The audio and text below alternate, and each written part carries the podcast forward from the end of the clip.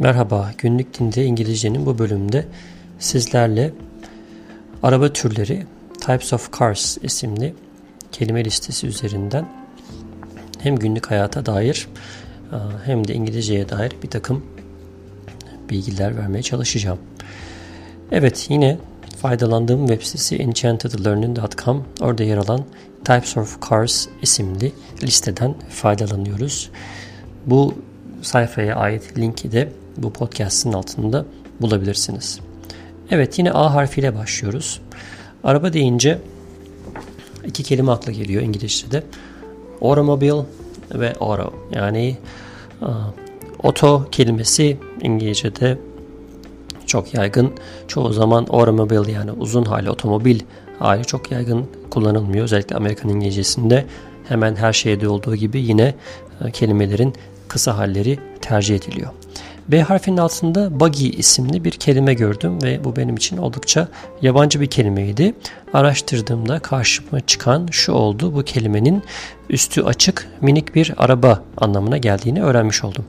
C harfinin altında car yani arabanın bir başka ifadesi. Bu da çok kullanılan bir e, kelime Amerikan İngilizcesinde. Compact, um, compact araçlar bir nevi aslında normal araçlar. Dört kapılı. Yine araba meraklıları bilecektir. Convertible, Coupe, Cruiser bunlar da farklı araç türleri olarak karşımıza çıkıyor. E harfinin altında son dönemlerde oldukça popüler olan Electric Car. F harfinin altında four door yani dört kapılı bir de four wheel drive denen hem önden hem arkadan çekişli olan araçlara verilen bir isim var. Four wheel drive bazen all wheel drive olarak da geçebiliyor. G harfinin altında gas powered. Gas bildiğiniz üzere Amerika'da benzin yerine kullanılıyor. H harfinin altında hatchback yine bir araba türü. Türkiye'de çok bilinen bir araba türü. Ve hybrid bunlar son dönemde Amerika'da veya dünyada çok popüler olan hibrit hem elektrikli hem de benzinle çalışan araç türleri. J harfinin altında Jeep, L harfinin altında limo ve limuzin. Bunlar ikisi de aynı anlama geliyor ama yine e, kısaltma anlamı olarak kullanımı limonun daha yaygın.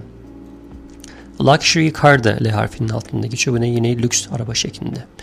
M harfinin altında minivan dediğimiz bazen 6 koltuklu veya 7 koltuklu olan arabayla bir nevi mini otobüs arasında kalan genelde ailelerin kullandığı araç tipi. R harfinin altında race car, yarış arabası var. RV var. RV de yine karavan anlamına gelen bir kısaltma. S harfinin altında sedan, sports car.